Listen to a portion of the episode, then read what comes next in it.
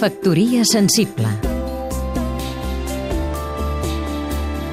Francesc Bellmunt, director de cinema Eclesiastés va escriure un dels llibres més citats de l'Antic Testament, un text que, com sabeu, porta el seu nom, Eclesiastés. Com recordareu, la seva sèrie de consells parteixen de la base que per tot hi ha el moment oportú i un temps per a cada cosa. El savi escriptor bíblic es dirigeix al seu públic per informar-lo que hi ha un temps per callar i un temps per parlar un temps per la guerra i un temps per la pau. I així successivament fins a tancar un dels més assenyats llistats sobre el comportament civilitzat.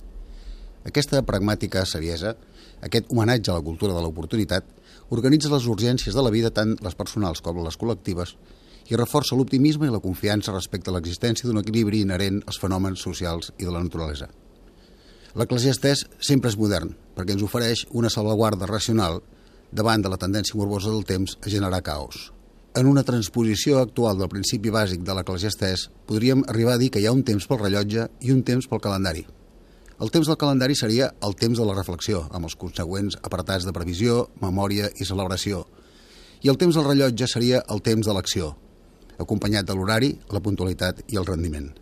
En fi, com que planificar el temps esdevé una necessitat vinculada a l'eficiència, una proposta simple per afrontar el curs d'enguany seria esforçar-nos en administrar correctament el rellotge i el calendari del present per assegurar que per nosaltres també hi haurà un lluminós temps pel futur. Factoria sensible Seguim-nos també a catradio.cat